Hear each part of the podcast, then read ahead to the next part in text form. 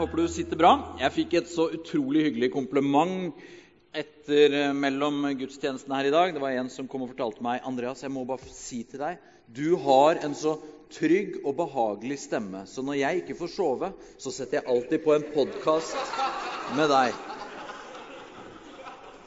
Tusen takk for at du sa det, måtte jeg si da.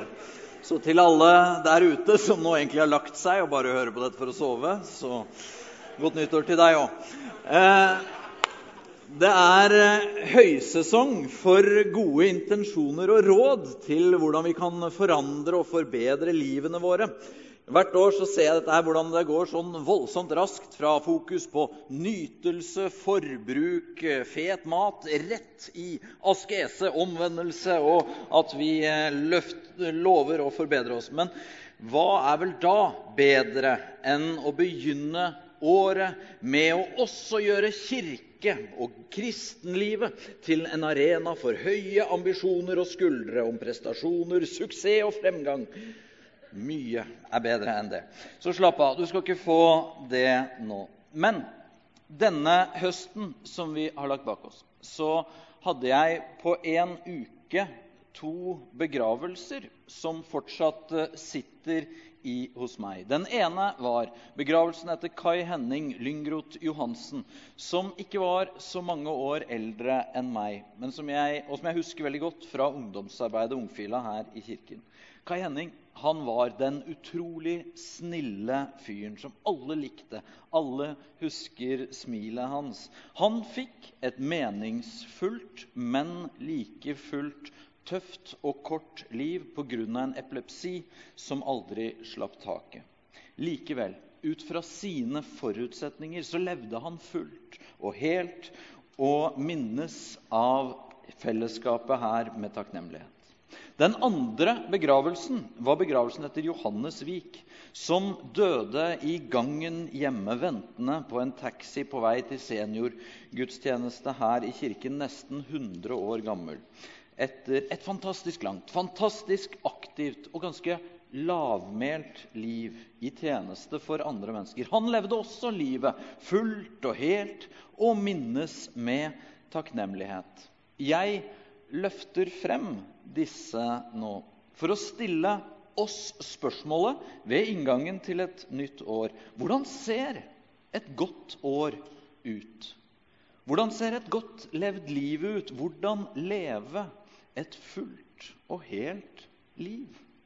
Ja da, det er bra å trene, det er bra å spise sunnere og være mindre på telefon og mer i marka og ringe oftere til de gamle i familien og spare mer og være mer kritisk til hva du leser og ser. Men når alt kommer til alt, hva er det egentlig som avgjør om livet vårt setter gode avtrykk, som Kai Henning og Johannes? Er det at vi får nok gode tips.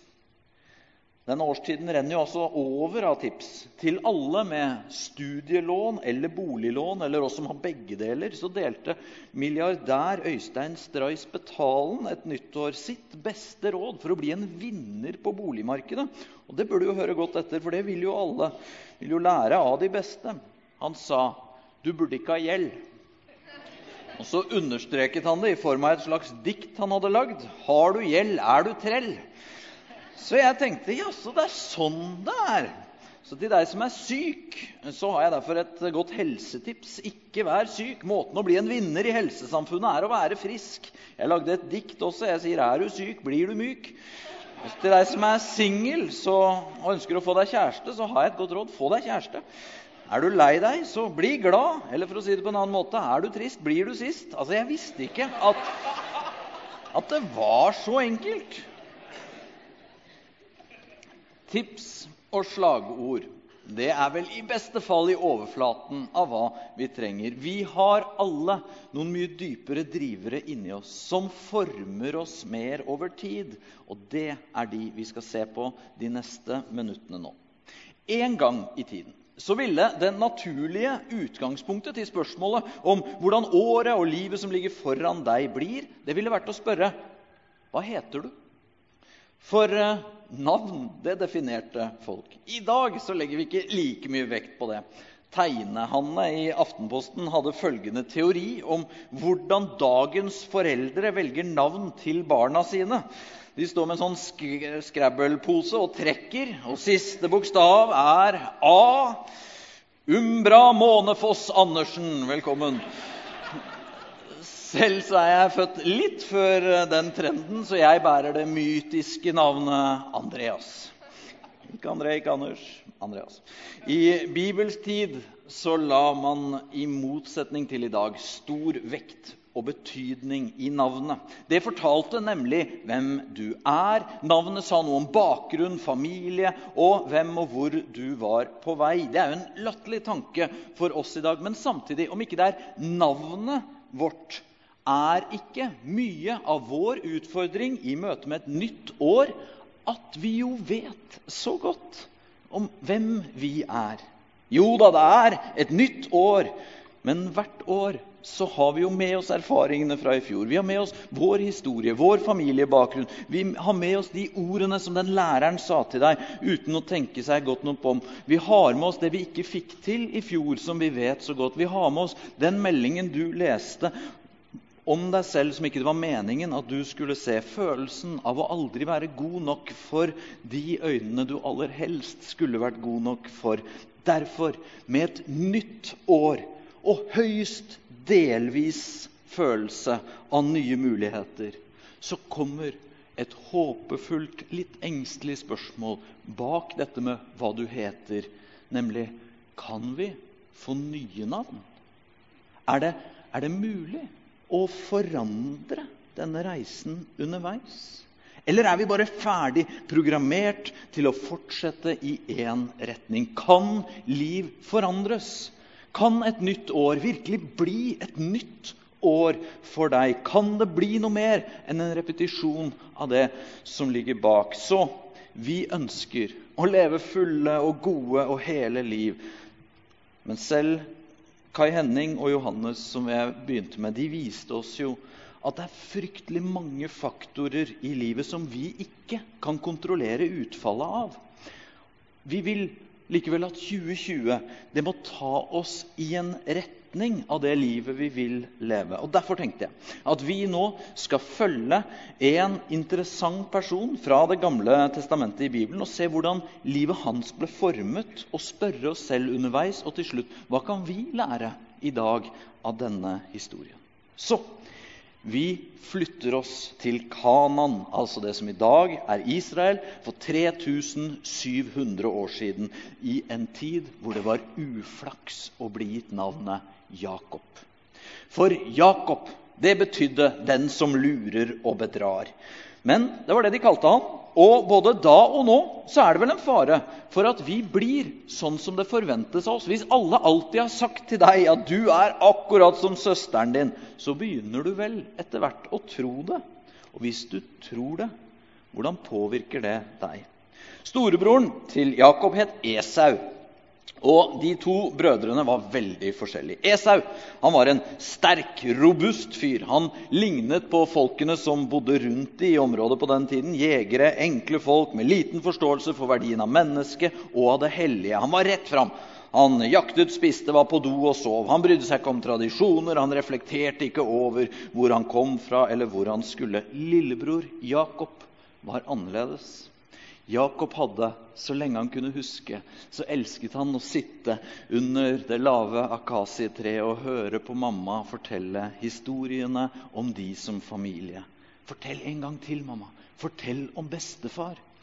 Og Rebekka, hun fortalte om stemmen som familien prøvde å følge. Guds stemme som bestefar Abraham hadde hørt, og som hadde fått han til å reise fra landet sitt for å finne Kanan, det eneste landet som Jakob kjente. Stemmen som hadde lovet velsignelser i generasjoner, og som insisterte på at denne lille familien skulle bli til et helt folk.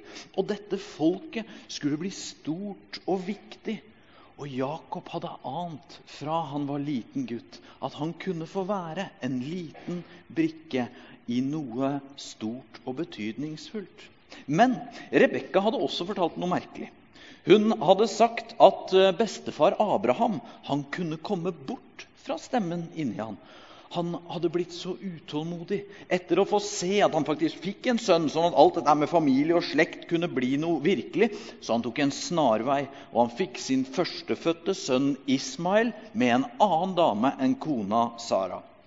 Men da han så fikk sønnen Isak senere, som han var lovet med kona Sara, så gjorde Gud om på hvordan denne verden vanligvis fungerte, og velsignet likevel Isak, til tross for at han var yngst og Ismail var eldst. Kanskje var det den historien som fikk Jakob på ideen som senere skulle gjøre at han levde opp til navnet sitt og ble en bedrager. Da faren Isak var blitt en blind, gammel olding og skulle gi videre denne velsignelsen som Gud hadde gitt han og folket til sin eldste sønn, som han skulle, så lurte Jakob faren til å velsigne seg selv i stedet for storebror Esau. Det var andre gang på rad det ble krøll i vekslingen i den familien. Kanskje tenkte Jakob da han gjorde det, på Ismael og faren. At Esau han er som fra en annen slekt. Han vil aldri sitte i skyggene og høre historiene til mamma. Han vil alltid bare ut til jakt og mat og jentene fra nabostammen. Kanskje tenkte Jakob at Esau han ville egentlig ikke bry seg uansett. Men Esau ble rasende, og Jakob måtte flykte. Plutselig så er alt i Jakobs liv ødelagt. Han er på vei bort fra det landet med alle løftene som bestefar Abraham hadde kommet til. Han er på vei bort fra historiene med hva Gud ville med de som familie og folk. På vei bort fra vennene og alt han kjente. Han visste ikke egentlig hvor han var på vei lenger, bare at nå måtte han bort, for nå brant broene bak han. Han tok en pause for natten og la seg til å sove. Alt var kaos inni han. Han hadde hørt mamma Rebekkas historier og trodd at det var en hensikt med livet hans. Han hadde ant at han var et lite ledd i en umistelig kjede, at Gud ville noe stort. Men nå hadde alt blitt krangel og frykt. Han var blitt den han var forutbestemt til å bli, Jakob bedrageren. Og med de tankene så la han seg ned med en stein til pute på vei til en ukjent fremtid i landet Babel. Var det for sent? Nå som alt hadde gått i stykker, nå som ordene var sagt, nå som broene var brent, og alle var skuffet over han. Har du hatt sånne netter? Netter når det er vondt i magen, og de harde ordene bare kverner igjen og igjen. Du knytter nevene. Hvorfor sa jeg det? Hvorfor kunne jeg ikke latt være? Morens skuffede blikk, brorens sinne. Det kommer sånne netter for de fleste av oss. Hvis jeg bare kunne gjort det om igjen. Den natten, den natten drømte Jakob. En merkelig drøm. Han så en stige som gikk oppover og oppover, helt til himmelen, hvor nå enn det er. Det var jo egentlig umulig. Folk hadde prøvd å bygge til himmelen før. Det visste Jakob, for også den historien hadde Rebekka fortalt i de myke skyggene under trærne. Og det var jo faktisk i det landet som Jakob nå var på vei til, at menneskene, drevet av hovmodig tro på teknologi, fremskritt og nytt år, og kanskje av frykt for noe større enn seg selv, at de hadde prøvd å nå opp til himmelen med å bygge et svært tårn. Men de hadde mislyktes.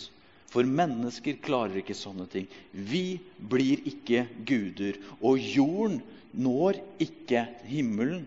Men julen, som vi akkurat har lagt bak oss, minner oss om at det motsatte kan skje. Gud kunne bli menneske, og himmelen kunne nå jorden. Så stigen i drømmen rakk hele veien. Og Jakob fikk se at det var en forbindelse mellom himmel og jord. Han så i drømmen engler klatre opp og ned stigen. Og så hørte Jakob selv stemmen.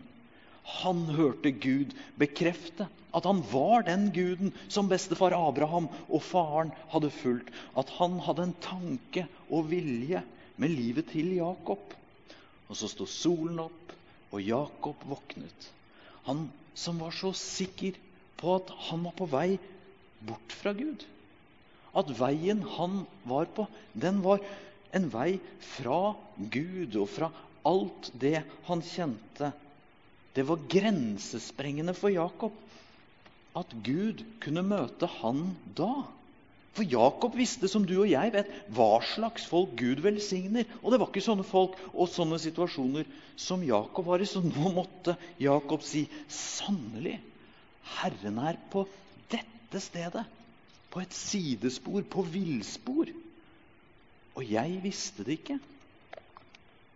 Kanskje kan du se tilbake på, og kanskje til og med er du der nå, i øyeblikk, perioder og faser hvor mens det sto på, så ante du det ikke. Men når du ser deg tilbake, så kan du si sannelig Gud var her, og jeg visste det ikke. Den natten, de dagene, så valgte du mer enn nok med bare å overleve. Du trodde du var alene. Men da solen sto opp, og du nå ser deg tilbake, så ser du sannelig Gud var der. Gud er her. Og jeg visste det ikke. Denne høsten som vi har lagt bak oss nå, den eh, har jeg personlig syntes at det er noen sider ved det å være kristen leder som har vært mer utfordrende enn jeg har syntes før. Det har vært ganger hvor jeg har følt at det er for mange konflikter. Ikke her i kirken, men totalt sett. Det er for mange harde ord. Medieoppslag hvor jeg ikke har kjent igjen det jeg driver med, og det har virket demotiverende. Jeg har kjent det i magen noen ganger. Og jeg har hatt noen stunder hvor jeg har følt at, at jeg har mistet noe av gleden med det. Jeg er liksom så vant til at det vi gjør i kirken, det er gjenstand for takknemlighet. Men så har jeg også, akkurat denne høsten som er lagt bak, gjenkjent Guds nåde. For flere ganger så har jeg fått en hyggelig hilsen i rett øyeblikk. Noen som har fornemmet et ord fra Gud, eller sett noe de har hatt grunn til å takke eller heie på. Og Derfor så har jeg sittet hjemme denne juleferien og konkludert som Jakob. Sannelig, Gud var der, og jeg visste det ikke. Men hva skjer etterpå? Hva skjer etter fornemmelse av Guds hellige nærvær som her nå? Etter sånne gode glimt, håndtrykk, oppmuntringer, sannheter fra Bibelen, hva det er. Jakob, han sto opp. Han var fortsatt på flukt. Han måtte fortsatt dra til Babel. Og dit kom han som en fremmed og en flyktning. Men hør nå, han kom ikke dit som en flyktning uten håp. For Jakob var, en, om ikke en drøm, så kanskje mer en anelse inni seg. Og akkurat nå har jeg lyst til å si til deg, som har en sånn vag eller sterk anelse eller drøm inni deg for 2020 selv om du er i Babel, som noen fra Sørlandet ser på Oslo som. Eh, selv om du er langt unna skuddhold på den anelsen eller drømmen, selv om det er så mye i livet som ikke ser ut til å stemme, ikke mist kompasset. Ikke mist retningen, anelsen, inni deg. Det var ingenting som kom gratis for Jakob. Han jobbet hardt. Han fikk kone, koner faktisk, barn, han fikk en mengde dyr, og livet det bare rullet på rundt han. Og Gud var der. Også de hundrevis av mandagene som Jakob ikke merket det i det hele tatt. Men så en morgen så våknet Jakob, og noe datt på plass inni han. Han forsto at det er en tid for alt her i livet, og nå har tiden kommet for å reise hjem. Hvordan sto det til hjemme? Levde moren og faren fortsatt? Ville Esau fortsatt drepe han? Jakob pakket og dro. Som bestefar Abraham hadde gjort mange år før, så reiste Jakob mot Kanan. Men på veien så kjente han uroen i hele seg. Er det ikke rart at noe kan være rett? Vi kan vite at vi er på rett vei, men likevel være så urolige. Her kom han med tjenere, stor familie, masse dyr. Jakob, flyktningen, han kom tilbake til Kanaan som en rik mann. Men hva hjelper det et menneske om det vinner hele verden, men er plaget i sjelen sin? Det har gjort mange av oss tankefulle denne romjulen. Jeg har selv tenkt på da jeg som ung mann, tror jeg var knapt 20 år, var skikkelig på bortebane. Ikke at jeg var så langt hjemmefra. Jeg satt i et TV-studio i Nydalen og ble sminket for å være på TV. Rundt meg var det ganske mange mennesker som jeg bare hadde sett på TV. Og de virket som de aldri hadde gjort noe annet enn å være der. Og jeg satt ganske alene uten å kjenne noen. Plutselig fikk jeg en hånd på ryggen og en stemme som sa 'Jeg kjenner igjen deg'. Og jeg så i speilet at det var Ari Behn. Og jeg sa 'Jeg har deg fra et eller annet sted også'. Eh, så oppmuntret han meg med at han og Märtha hadde vært så enige i noe jeg hadde skrevet. Og så tipset han meg om at du må ikke la de fjerne sminken etter programmet, for det ser veldig bra ut på byen med sånn TV-sminke i fjeset. Men han hadde overskudd til å ta seg en ung, uerfaren fyr i en setting med mange så mye mer interessante mennesker i rommet. Og for det vil jeg alltid huske han med takknemlighet. Likevel, denne romjulen så har vi måttet innse det usigelig triste.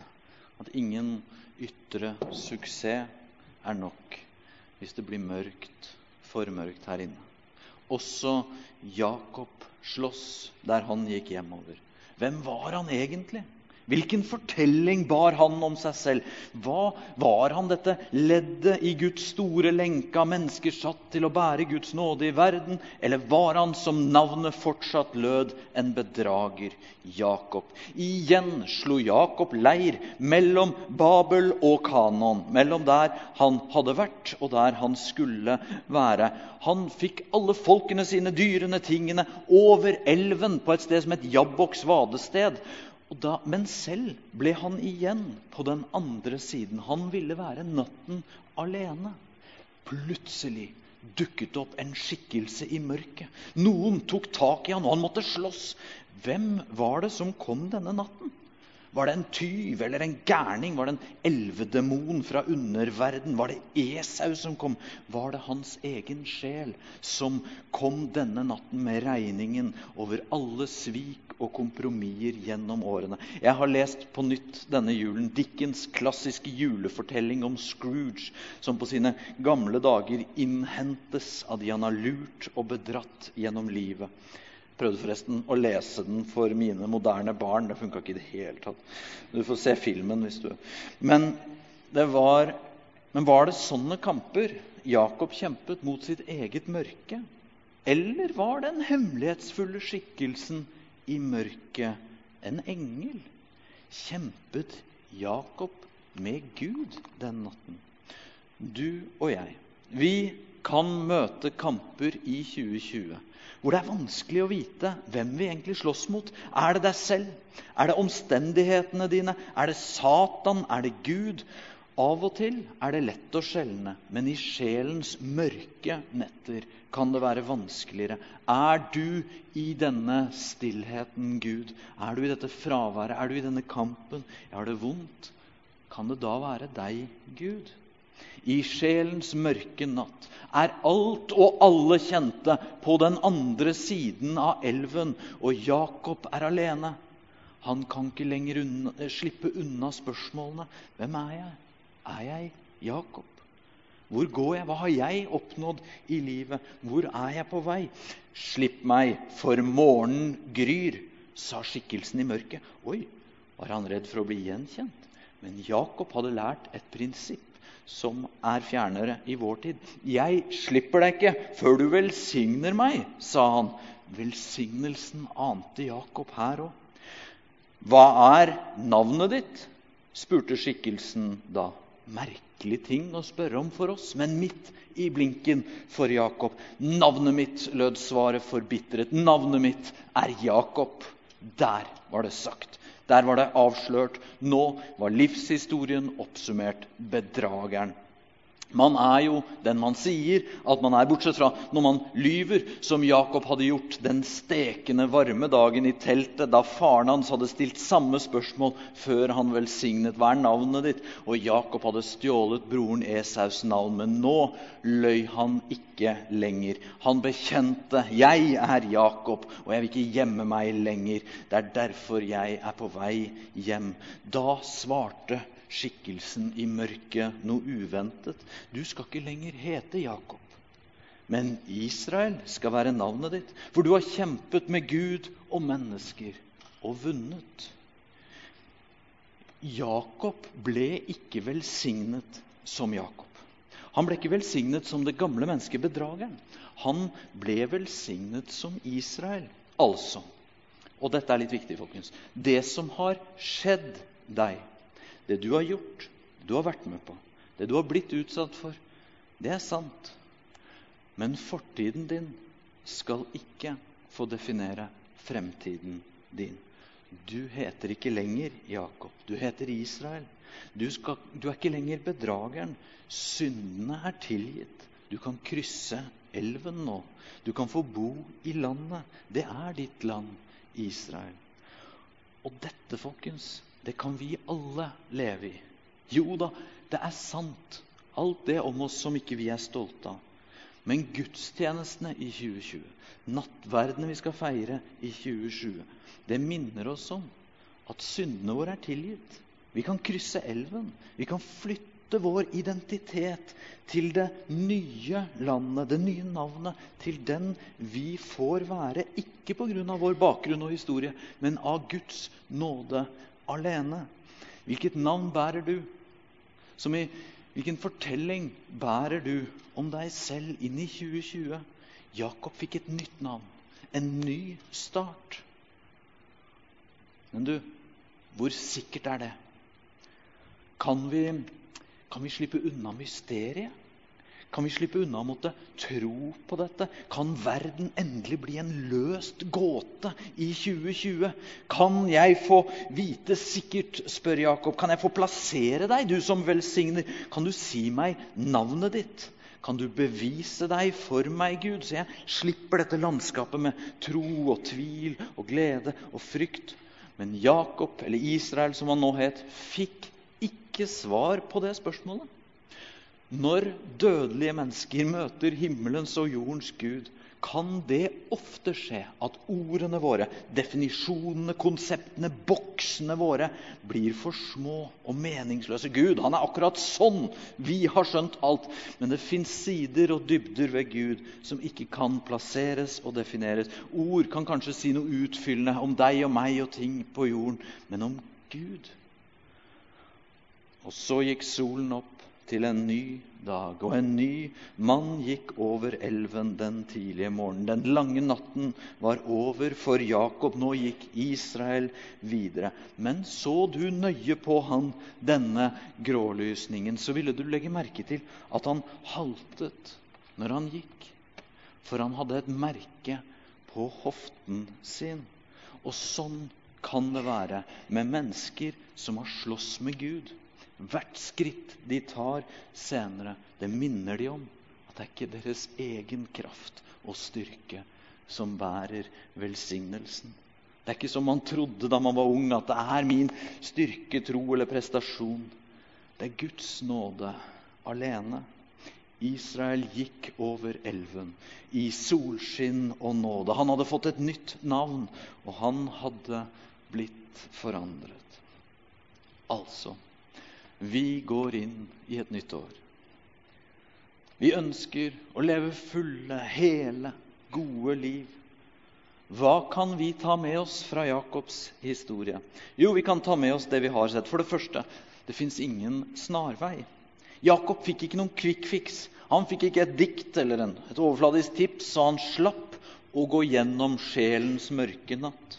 Jakob lærte underveis. Han sloss, han jobbet, han gikk feil, men fortsatte. Han møtte Gud, men veien ble likevel lang. Derfor er det så fint, det andre vi kan lære, at nye begynnelser er mulig. Det fins alltid nye sjanser. Midt i omstendighetene som vi ikke kan kontrollere og styre så fikk Jakob et nytt navn. Hva er navnet ditt? Altså, Hvilken fortelling bærer du om deg selv? Er du, som Ingeborg Senneset skrev så eh, levende i Aftenposten, er du en bedrager som bare ikke er avslørt enda? Er du hun som er for stor, han som ingen liker? Er du Jakob eller Israel? Du kan få et nytt navn, en ny fortelling. Jesu venn Johannes skriver noen merkelige ord i Bibelens siste bok, som gir mening i lys av historien om Jakob. Og jeg vil gi han en hvit stein, Og på den steinen er det skrevet et nytt navn som ingen kjenner, uten den som får det. Legger du merke til det? Kanskje vil mennesker i 2020 behandle deg akkurat som før. De vil putte deg i den samme trange boksen som de alltid har gjort. Men husk da at i Guds øyne, for Gud, så er du gitt et nytt navn. En ny start er mulig, en ny fortelling. Og da blir 2020 et nytt år fullt av nye muligheter. Paulus skrev det så håpefullt. Den som er i Kristus, altså i troen på Jesus, er en ny skapning. Det gamle er borte. Se, det nye er blitt til. Og for at vi skal være helt sikre på at ikke vi går oss bort her nå oss, at dette også blir et sånn strev med noe vi skal få til. Og husker jeg hva han sa, og hva det sto? La oss ta med det tredje, siste og viktigste vi tar med oss fra Jakob. At nåden bærer. Ingenting av dette skjer fordi vi får det til i oss selv. Det henger ikke på våre egne evner. Paulus han må ha vært tidenes mest vellykkede kristne fyr. Han var den som forsto så mye. Han har skrevet over halve Det nye testamentet. Han så mirakler, han så så mye skje rundt seg. Når han skulle gjøre opp sitt liv, tenk hvilken oppsummering han kunne gjort. Men han sier men ved min styrke, min erfaring Nei, men ved Guds nåde er jeg det jeg er. Og Hans nåde mot meg har ikke vært bortkastet. For jeg har arbeidet mer enn noen av dem. Det vil si, er ikke jeg, men Guds nåde som er med meg. Ser du at det er nåde, nåde og nåde? 2020 er mest av alt et nådens år. Og Vi kan derfor gå inn i dette året med det som tone. Det er så mange ting rundt deg som vil kreve av deg, som vil måle deg, og hvor du vil noen ganger lykkes og andre ganger ikke. Men dette, det viktigste i livet vårt, fundamentet vi står på, det er båret av noe større enn oss selv. Dessverre er det ingen snarvei, men det er alltid nye sjanser. Og det er nåden som bærer gjennom alt. Skal vi be sammen? Far i himmelen, tusen takk for at uh, du ser livet vårt, også når vi havner i Babel eller vi havner på sidespor. Takk for at din nåde alltid strekker seg etter oss. Og vi ber nå for dette året som ligger foran. Vi ber om at livet vårt må formes som en eh, tilbedelse til deg. Som en respons på, en refleks av den kjærligheten som du viser oss. Så la oss formes til likhet med deg, Jesus Kristus. La oss formes til eh, speilbilder av den kjærligheten som du har vist oss. Kom, Hellige Ånd akkurat der vi er, akkurat nå, akkurat her. I ditt veldig sterke navn, Jesus Kristus. Amen.